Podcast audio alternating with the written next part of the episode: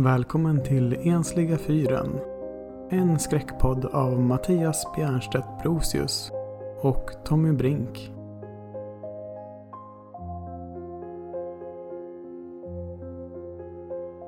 Strandade sköter vi signalerna från den ensliga fyren.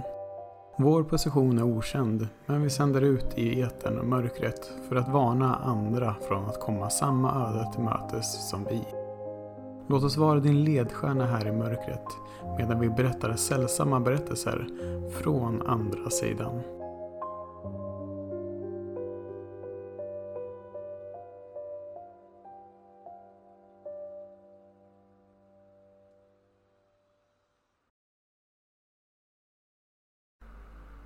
Den här berättelsen heter De två systrarna. Den är skriven och läses av mig, Tommy Brink. Vi gled in med bilen på utfarten till det gamla kråkslottet. Min mamma kallade alltid farfars hus för Kråkslottet. Det var en gammal och stor byggnad i trä med ett torn som sträckte sig upp över det grönärgade koppartaket. Om huset haft färg en gång i tiden så var det länge sedan borta. Jag vet att föräldrarna hade talat med farfar flera gånger om att hjälpa till att fixa till huset. Men han hade slagit ifrån sig alla försök till att hjälpa till. Vi tog oss in i huset som bar på så många minnen. Men nu var det äntligen dags att sålla bland dem. Vi möttes av den gamla familjärlukten som bara fanns hos farfar. Och det kändes som att han skulle dyka upp runt hörnet till nästa rum när som helst. Men huset var tyst och stilla inför vår ankomst. Så när som på det familjära småknarrandet från trägolvet. Allt kunde inte vara kvar och vi skulle inte ha råd att ha kvar huset heller. Så det var med lite vemod som vi tog oss in och började gå igenom sakerna. Vi skulle få vara där i några dagar hade vi sagt. Där det var mycket att gå igenom och senare så skulle det komma flyttbilar och föra en del av sakerna hem till oss och en del till lektion. Och en sista del på tippen såklart. Sedan skulle huset säljas. Vi vandrade igenom rummen och berättade små anekdoter till varandra om saker vi mindes från när farfar var i livet. När vi gått igenom alla rummen för en snabb översikt kom vi överens om vart vi skulle sova under tiden vi tog hand om allt. Mamma hade från början velat att vi bott på ett hotell eller vandrarhem men blev snabbt övertalad av farsan att eh, vi lika gärna kunde sova över på plats. Antingen i en säng eller på en madrass. Mamma hade då direkt paxat sovrummet med sängen så jag fick ta en madrass i ett annat rum. Det kanske var farfars personlighet men eh, jag hade inte tidigare reflekterat över att huset var så väldigt stort för att bara ha huserat en person så länge. Jag valde såklart att sova i tornrummet, så det fick bli ett av de första rummen att börja rensa i. Det rummet hade mest fått vara en extra garderob åt farfar. Vi gick igenom ett antal rockar, ett helt regnställ, sju par kängor och tre par stövlar, några koftor och ett otal antal hattar.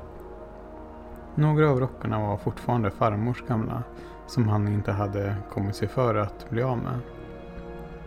I övrigt var det en stor golvspegel i rummet. En stol, en fåtölj och ett, i avsaknad av annat ord, sminkbord. I det fanns det inte mycket smink kvar. Bara ett par tre attiraljer från farmors tid. Och lådorna hade använts för att spara handskar. Det fanns en sittpuff Också full med gamla handskar och vantar. Hela rummet luktade lite instängt och antagligen svagt av någon gammal parfym. När vi tagit ut det mesta utom möblerna från rummet så förberedde jag min madrass så jag inte skulle behöva ta den fighten strax innan läggdags. Sedan fortsatte vi hela eftermiddagen med några rum på nedervåningen. Bland annat sovrummet som föräldrarna skulle sova i. Framåt kvällen käkade vi pizza, hyrde en film och gick och la oss ganska tidigt då de av oss som inte somnat i filmen ändå hade svårt att hålla ögonen öppna. Jag drömde om när jag var liten och kom på besök hos farfar. Antalet rum verkade oändliga och Kråkslottet var det mest fantastiska slott jag kunnat tänka mig. Farfar gungade mig i en hammock på baksidan av huset.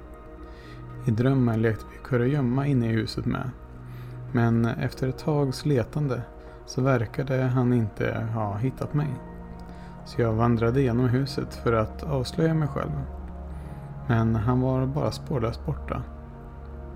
Utanför hopade sig molnen och jag blev lite ängslig. Genom rum efter rum letade jag utan att hitta farfar. Rummen blev mer och mer lika genvägar till andra världsdelar.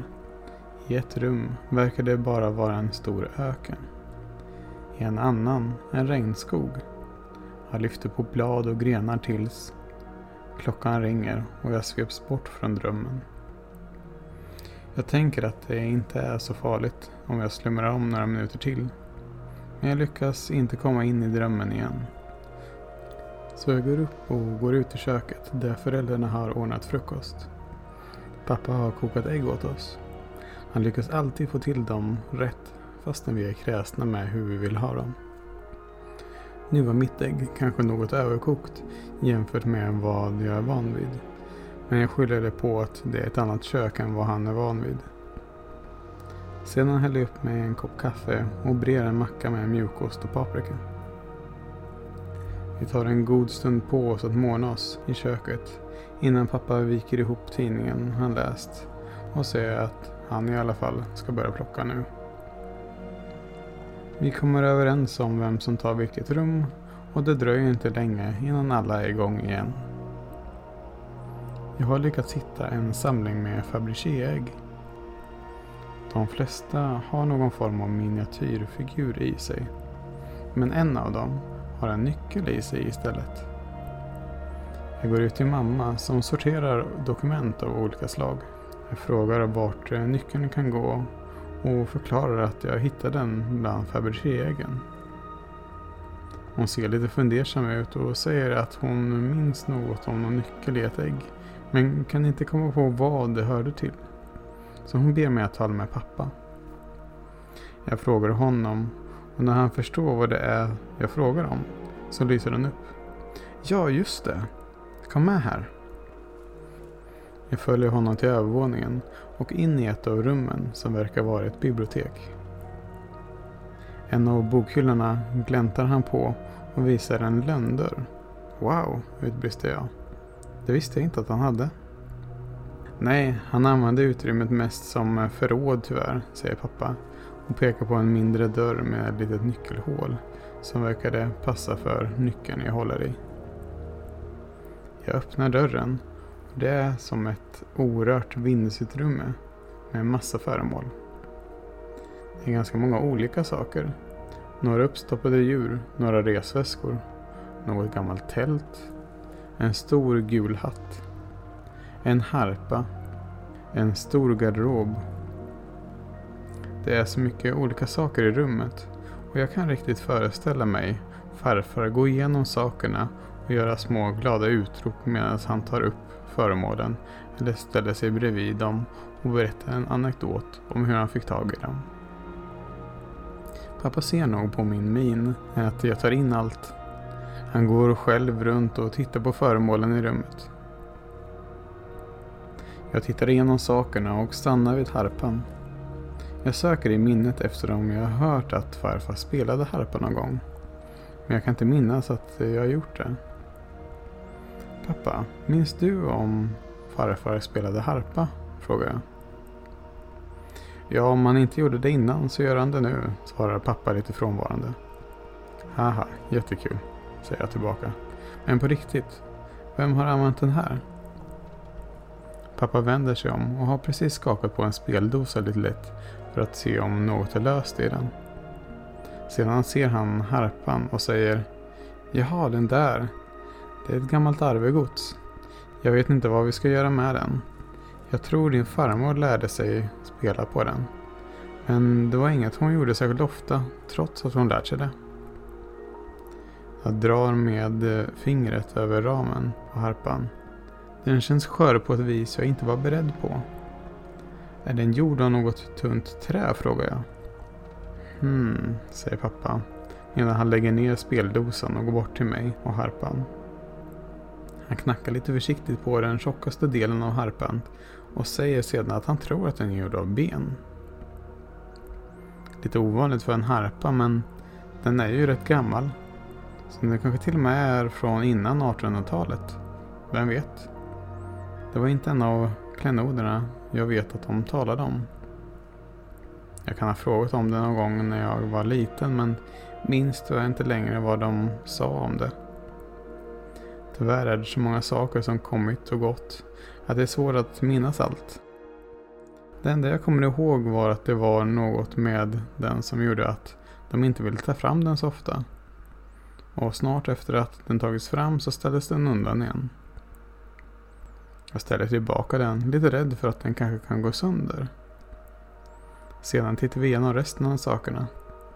Tittar igenom garderoben som är tom, så när som på ett gammalt regnställe och ett par gamla hängselbyxor. Sedan tittar vi i resväskorna och där i ligger det kvar gamla vykort som skickats till farfar och farmor när de varit på resa. Vi hittade vykort som skickats till dem från gamla vänner när de varit i Rhodos, Sicilien, Malaysia, Kapstaden, Guinea står det på någon också och Mosambik. Det var rätt kul att gå igenom och se alla spännande saker som farfar samlat på sig.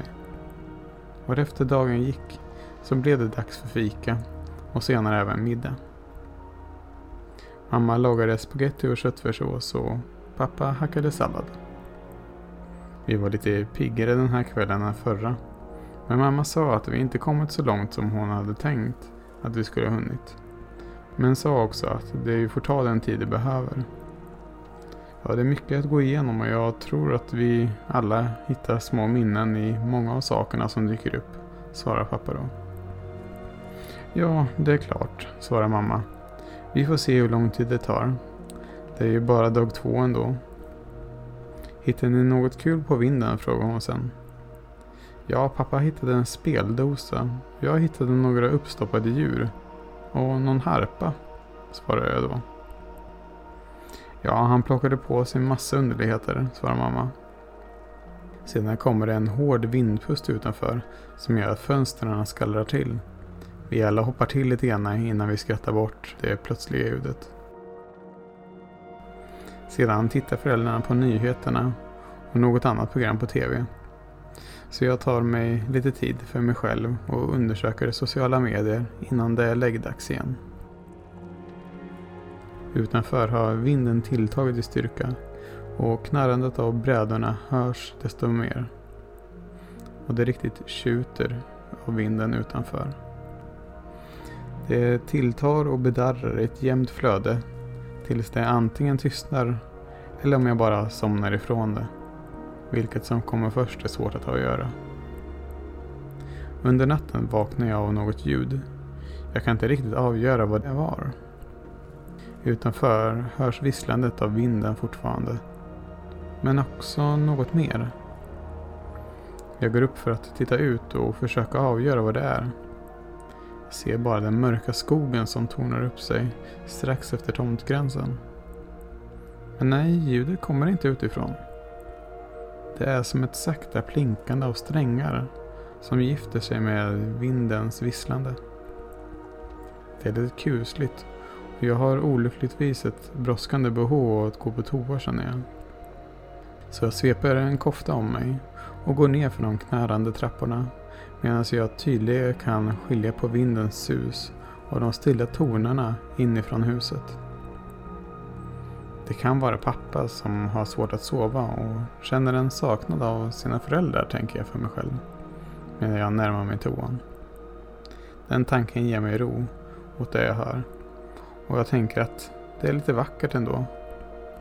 Snart efter att jag satt mig på toa låter det som att ljudet tystnar. Jag har tagit med telefonen för att lysa upp på vägen till toan och kika lite i den innan jag är klar. tvätta mig och bege mig tillbaks igen. Jag tänker att jag kanske borde höra efter eller se om pappa är på väg tillbaka kanske. Men det gör jag inte. Kanske kikar han på andra prylar och ger det hela lite tid innan han går och lägger sig, tänker jag för mig själv. Träet knarrar de sista stegen upp till tornet igen och jag lägger telefonen på laddning och blundar på nytt. Då hör jag något längre bort i huset som skulle kunna vara någonting som rör sig från rummet som jag var i tidigare. Så jag gissar att det är pappa som är på väg tillbaka för att lägga sig igen. Snart är på somnar jag dock.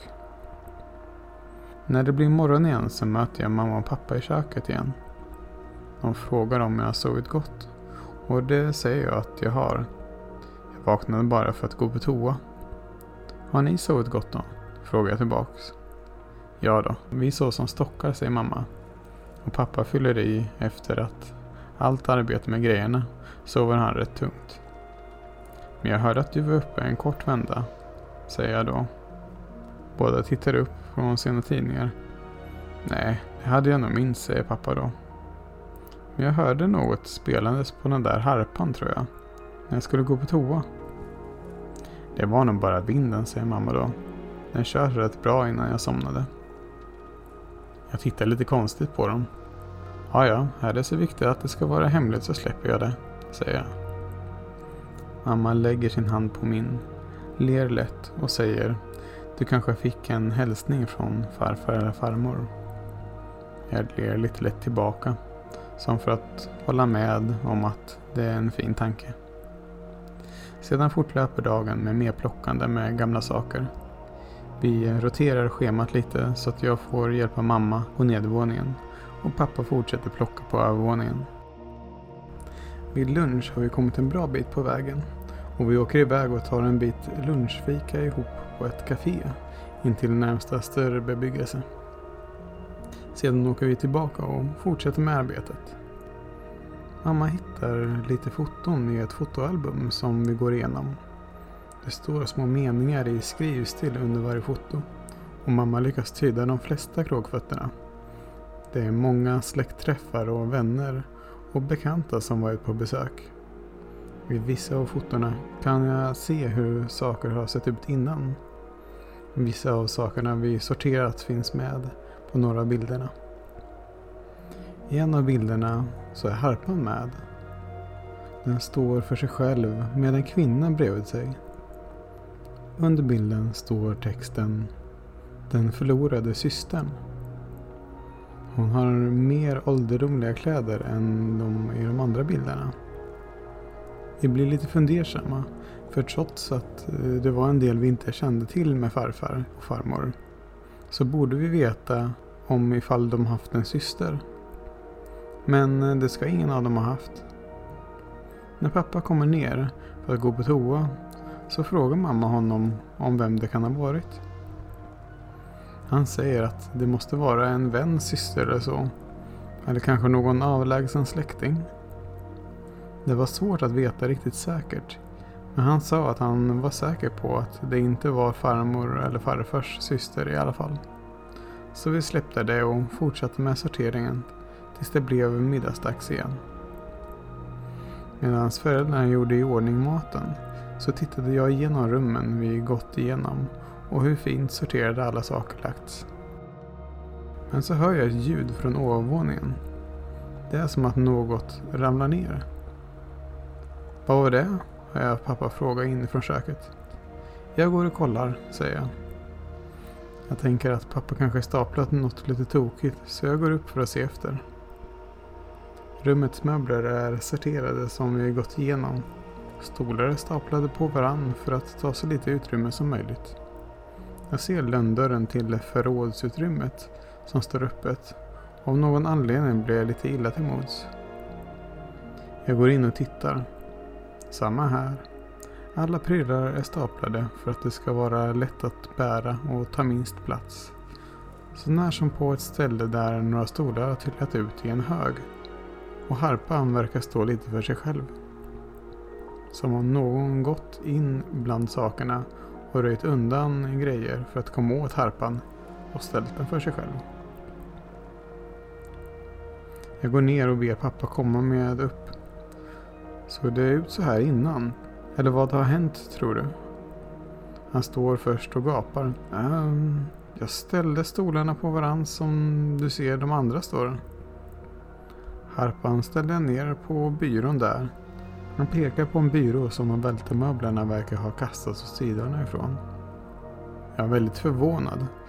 Allt annat ser ut som att det hade behövts en person för att flytta omkring i alla fall.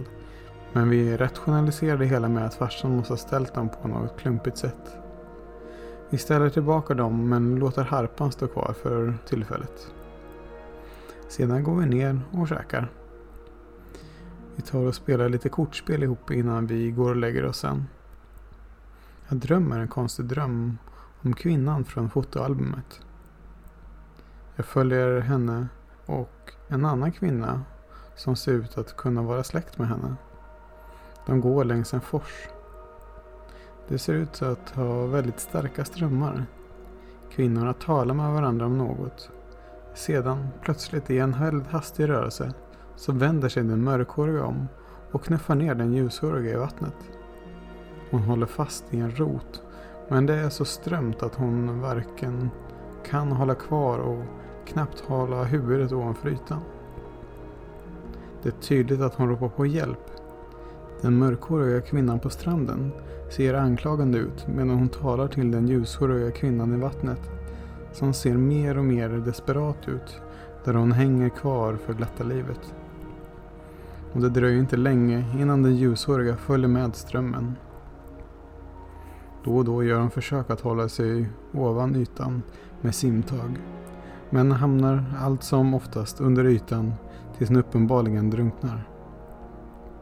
Jag vaknar, våt av svett och lite medtagen från drömmen. Jag går på toa och därefter försöker jag torka av mig lite. När jag går tillbaka igen så byter jag om till torra kläder igen och försöker somna om. Jag lyckas somna om och vaknar morgonen efter. När jag kommer in i köket ser föräldrarna lite tröttare ut än vanligt. Jag frågar om de har sovit gott och de säger att de sov lite sämre i natt av någon anledning. Okej, okay, ja, jag hade en mardröm om den där kvinnan på bilden med harpan. Ja, vi är väl alla lite ovana att sova hemifrån, fyller de av mig. Ja, kanske det, säger jag. Samtalet tar slut där och pappa reser sig upp. Gäspar lite och säger att han tänker börja sortera grejerna igen. Det tar lite längre tid att komma igång den här dagen än de andra. Men när vi väl är igång så kommer vi upp i ett bra tempo igen. Jag och mamma undersöker källaren den här gången. Det är en stor vinkällare men det finns inte så många flaskor kvar. Farfar drack inte lika mycket vin de sista åren och de gånger han drack hade han ju redan flaskor. Men ett par flaskor av äldre årgång som verkar lite dyrare hittade vi i alla fall. Sedan hade även det utrymmet använts för mer än vinförvaring. Vi hittade några träkistor med lite olika saker i. En säck potatis som börjat gro. Några konserver och syltburkar. I en annan låg det rep, fotogenlampor, fotogen tändstickor och några facklor. Lite blandat helt enkelt. Men det mesta var saker som inte var värda att spara. Efter att vi hjälpts åt att tömma sånt som bara skulle slängas så blev jag lite rastlös. Jag gick upp för att se vad pappa höll på med. Han plockade bland gamla dokument. Vissa var brev. Andra var sånt som berättade om olika föremål i huset. En del obligationer och andra värdepapper. Det var inte särskilt spännande det heller. Så jag gick tillbaka till mamma och frågade om det var något mer hon behövde hjälp med just nu. Hon sa att hon började få en bra överblick över det mesta nu. Så det skulle inte dröja länge innan vi kunde börja avrunda det hela. Jag fick gärna säga om det var saker jag hittat som jag hade velat ha med mig hem. Jag hade plockat ihop en liten hög med grejer som jag hade lite sentimentalt värde i. Någon bok farfar hade läst för mig. Någon uppstoppad hermelin med hatt och käpp. En speldosa. Fabergé-ägget som nyckeln legat i. Och lite smått och gott helt enkelt. Sedan började det närma sig middagsdags. Mamma ville göra en liten överraskning sa hon. Så jag fick eh, gå ut en stund. Jag tog promenad i skogspartiet intill och lyssnade på en spellista medan jag mindes hur det var här ute när farfar fortfarande var kvar. Allt kändes lite vemodigt när jag tänkte på att jag inte skulle kunna komma tillbaka hit igen. Men jag kunde på något vis ändå förlika mig med tanken på att det här var en del av det förgångna nu. Jag skulle inte behöva ha de här skogsstigarna att upptäcka längre. Det kunde få bli någon annan familjs äventyr framöver, tänkte jag för mig själv. Jag njöt av att bara få vara där mellan bokträden och bara minnas hur det har varit en gång i tiden. Snart kom jag på mig själv med att middagen säkert börjat bli klar, så jag skyndade mig tillbaka. Jag hann precis innanför dörren när mamma ropade att maten var klar. Jag kände på lukten att det var kåldolmar, vilket var en av farfars favoriträtter som han brukade bjuda på. I vanliga fall var det kanske inget jag brukade laga eller se fram emot. Men farfars recept var lite speciellt. Jag kunde aldrig sätta fingret på vad det var som gjorde att det smakade så gott. Mamma hade verkligen lyckats kände jag på smaken. Det var farfars kåldolmar. Jag hittade farfars recept medan jag letade, sa hon lite triumferande. Han hade nog förutsett att eh, vi ville ha det. Det var nämligen ganska nyskrivet. Oh, vad kul. Får jag det med mig hem? frågade jag. Gud nej. Hur ska vi annars locka hem dig? skojade mamma. Alla skrattade och åt lite mer än vad vi kanske behövde. Sedan blev det kväll igen och vi tittade på en hyrfilm ihop än en gång. Det fick bli den oändliga historien. Jag minns att vi sett den ihop när jag var liten. Jag vet att farmor brukade nynna melodin när hon vattnade blommorna i huset när vi var på besök. Nu är nästan allt klart förkunnade mamma innan vi började göra oss i ordning för sängen. Det är mest småplock kvar och att vänta in lastbilarna som kommer att hämta sakerna. De kommer runt klockan ett imorgon. Tack, då vet vi, sa pappa lite gäspande. Medan han gick iväg för att borsta tänderna. Jag kramade mamma och gjorde detsamma. När jag la mig ner på madrassen den kvällen kändes den extra mjuk. Det kändes fint att ha fått plocka med sakerna och få med sig lite av minnena hem. Och innan jag visste ordet av hade jag somnat. Jag drömde om vågor som gungade fram och det var som om jag flöt längs en fors som blev lugnare och lugnare. Sedan sköljdes jag in på en strand och någon kom och bar upp mig. Jag hörde en mans röst sa att hon andas inte. Det hela kändes väldigt surrealistiskt. Jag liksom flöt upp över min kropp och kunde se förloppet ovanifrån. Det var inte min kropp. Det var kvinnan från fotot. Jag såg hur solen sken och värmde kroppen. Mannen som dragit upp den på land satt och rökte pipa och mumlade något och såg besviken ut. Så kom det någon gåendes längs en väg i närheten. Han kom in på tomten och verkade fråga om något. Talade med mannen som hade dragit upp kroppen. Mannen släckte sin pipa och talade om något jag inte kunde uppfatta.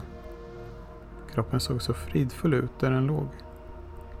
Sedan gick den första mannen iväg och kom sedan tillbaks med en stor säck. Jag blev lite förskräckt när de packade ner kroppen i säcken. Mynt bytte händer och vandraren tog med sig kroppen i säcken och gick vidare. Tiden förflöt snabbare i drömmen och snart hade vandraren kommit fram till en stuga. Jag kunde se in i stugan som såg ut att vara en verkstad av något slag. Sedan satte vandraren igång. Först klipptes håret av kroppen Sedan kläddes den av. Allt gjordes väldigt metodiskt, som om han var trollbunden av ett högre syfte. Jag började tänka att detta måste vara en gammal form av obducent, då han öppnade kroppen och inspekterade innanmätet med forskande ögon. Sen vet jag inte om det blev för obehagligt för mig för att se allt i drömmen, eller om jag på något vis kunde titta bort. Men kroppen floddes och fixades med. Jag kände mig sjuk av synen. Men också fanns det någon morbid fascination med vad som hände. Ju mer han arbetade, desto mer förstod jag att det var något redskap han höll på att göra. När han började bli klar så sjönk insikten in i mig som en kalldusch. Det var en harpa. En harpa av ben som stod framför mig allt gjort av den späda kvinnans innanmäte. Så när som på strängarna som gjordes av hennes långa gula hår som nu hade torkat. Fastän det var morbid så kunde jag inte annat än att känna någon sorts förundran över hur fint instrumentet han hade ändå lyckats skapa. Sedan såg jag det han hade gjort sig av med och jag vaknade med ett ryck. Jag kände direkt att något hade vänt sig i magen och jag fick hålla för munnen på vägen till badrummet för att inte få ur mig allt på vägen. Jag tömde magen i toan och spolade. Sen tvättade jag händerna och sköljde munnen med vatten och tvättade ansiktet. Gud, vad är det för galna fantasier min hjärna har börjat hitta på? Sa jag högt för mig själv medan jag tittade mig i badrumsspegeln. Jag hade fått knottror längs huden jag hörde vinden ila utanför. Men nej, det var inte bara vinden. Jag hörde harpan med, den här gången också.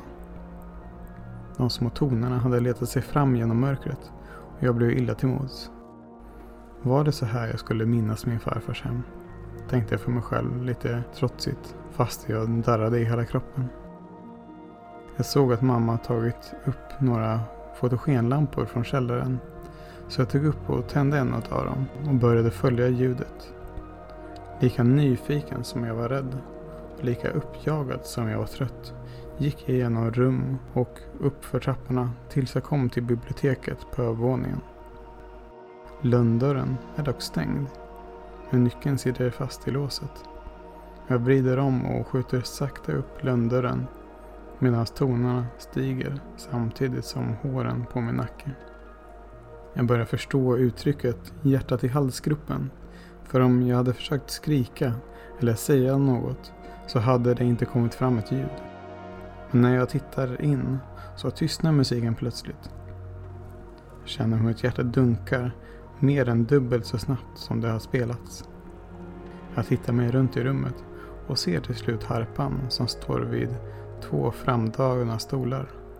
Som om någon eller något väntat på att jag skulle komma. Sedan hör jag hur lönndörren skjuts igen. Ett instinktivt nej slipper ur mig och jag famlar frenetiskt tillbaka till dörren med lyktan.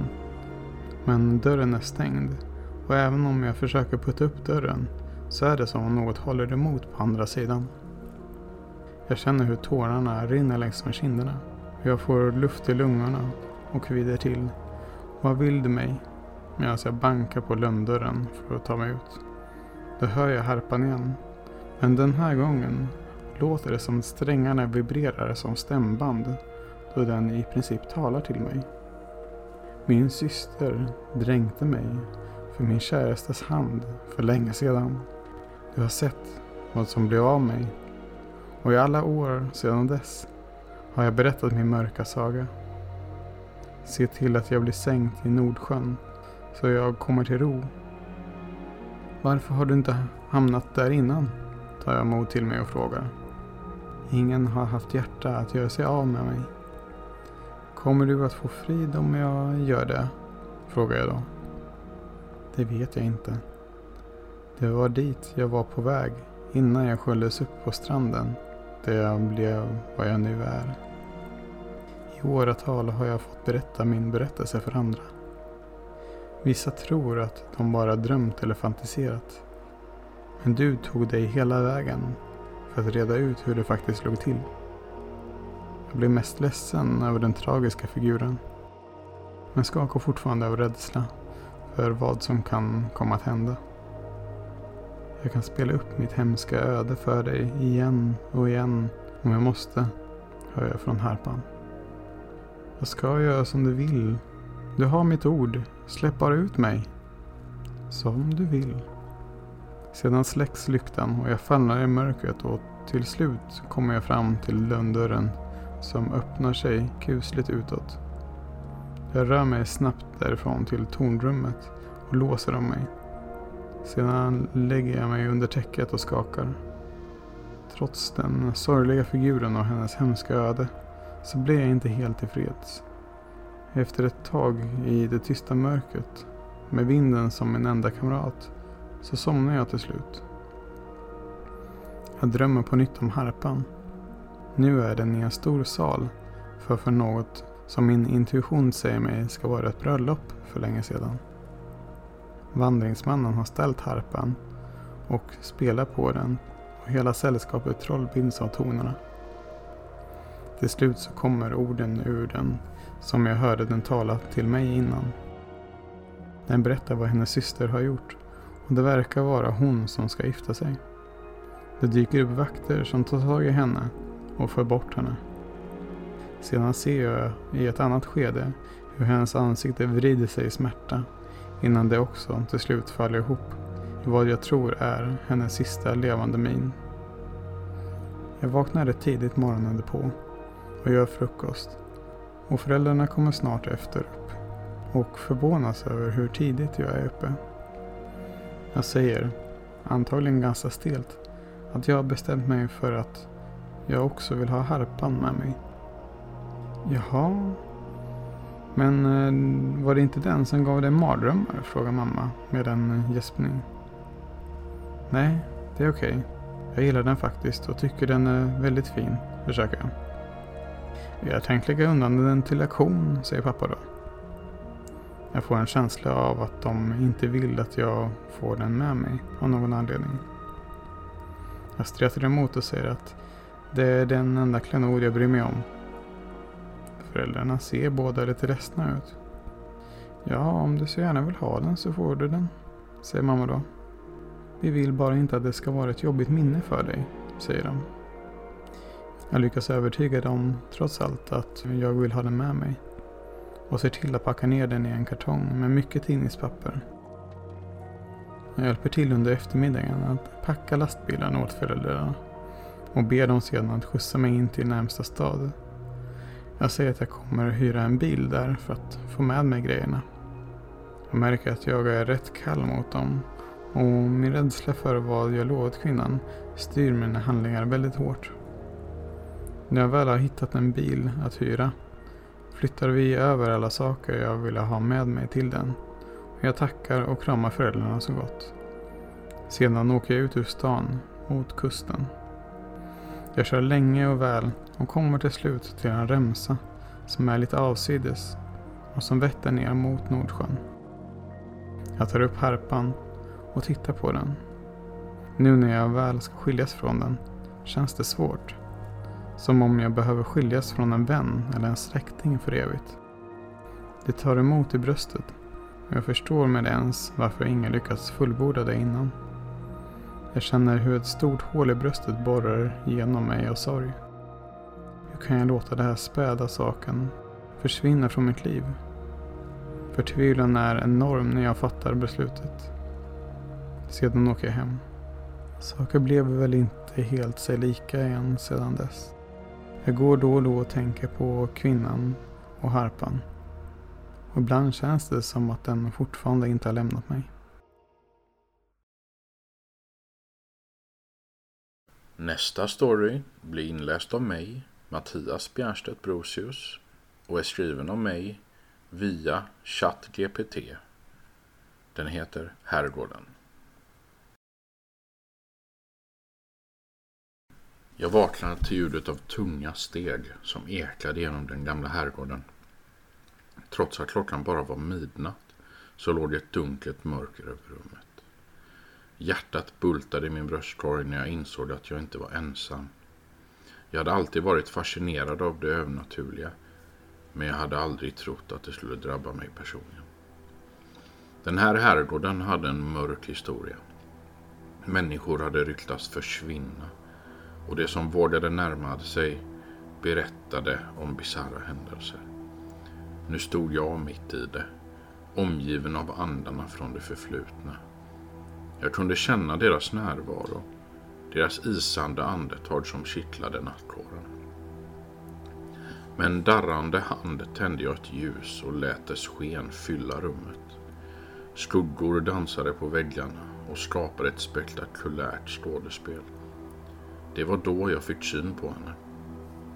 En ung kvinna, klädd i en antik vit klänning, stod framför mig. Hennes ögon var djupa och fulla av sorg. Som om hon har burit på en obotlig smärta i århundraden.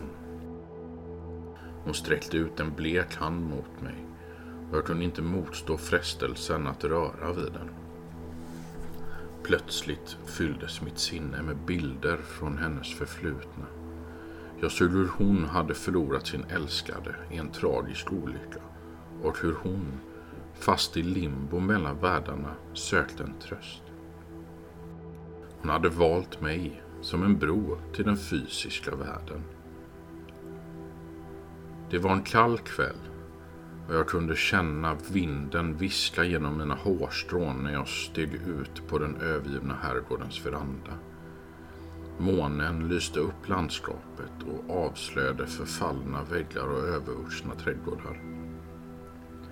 Med varje steg jag tog kände jag en allt starkare dragning mot det paranormala. Inne i herrgården väntade ännu fler mysterier. Rummen var fyllda av gnistrande dimma och svaga ljud som kom från ingenstans. Jag hörde gråtande röster och viskande i korridoren och obehagliga skrapljud från övervåningen. När jag gick upp för den krokiga trappan blev jag plötsligt omringad av en virvelvind av mörka skuggor. De snurrade runt mig och förde mig till ett förfallet sovrum. Det låg en dagbok på en gammal byrå i det rummet. Med darrande händer öppnade jag den och började läsa. Orden i dagboken berättade om tidigare ägares desperata försök att förstå och kommunicera med andarna. Jag blev allt mer indragen i historien och började känna mig som en del av något större. Som om jag hade blivit en länk mellan det levande och det döda. Plötsligt försvann dagboken ur mina händer och jag befann mig återigen i ett mörkt rum. En kall vind drog igenom mig och jag insåg att jag inte längre var ensam.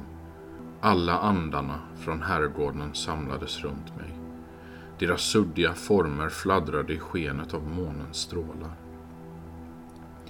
Deras röster fylldes av en åtrå efter frid och jag förstod att jag behövde hjälpa dem för att slutföra deras ofullbordade affärer. Med mod i mitt hjärta lovade jag att utföra deras uppdrag och ge dem den frid de förtjänade. Där och då blev jag en medlare mellan de båda världarna och gick in i den paranormala världens okända djup. Denna berättelse är en fusion av fantasi och verkliga paranormala händelser som har inspirerat människor genom tiderna. Det är en värld där vi kan utforska det övernaturliga, konfrontera våra rädslor och lära oss att det finns mer mellan himmel och jord än vad vi kan föreställa oss.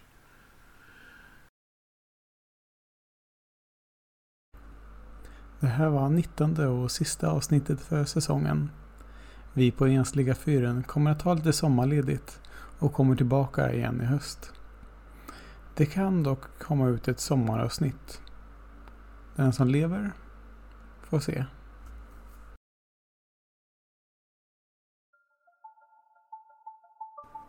Då är avsnittet slut för den här gången. Men vi håller ljuset på här för er tills nästa gång. Vill du nå oss och dela en berättelse eller något annat gör du det bäst på vår mail d3n ensliga4 snablaggmail.com eller på vår Facebook-sida Ensliga 4. Eller vårt Instagramkonto, också Ensliga 4. Vi siktar på att släppa minst ett avsnitt per månad. Detta var Mattias. Och Tommy. Vi tackar för den här gången.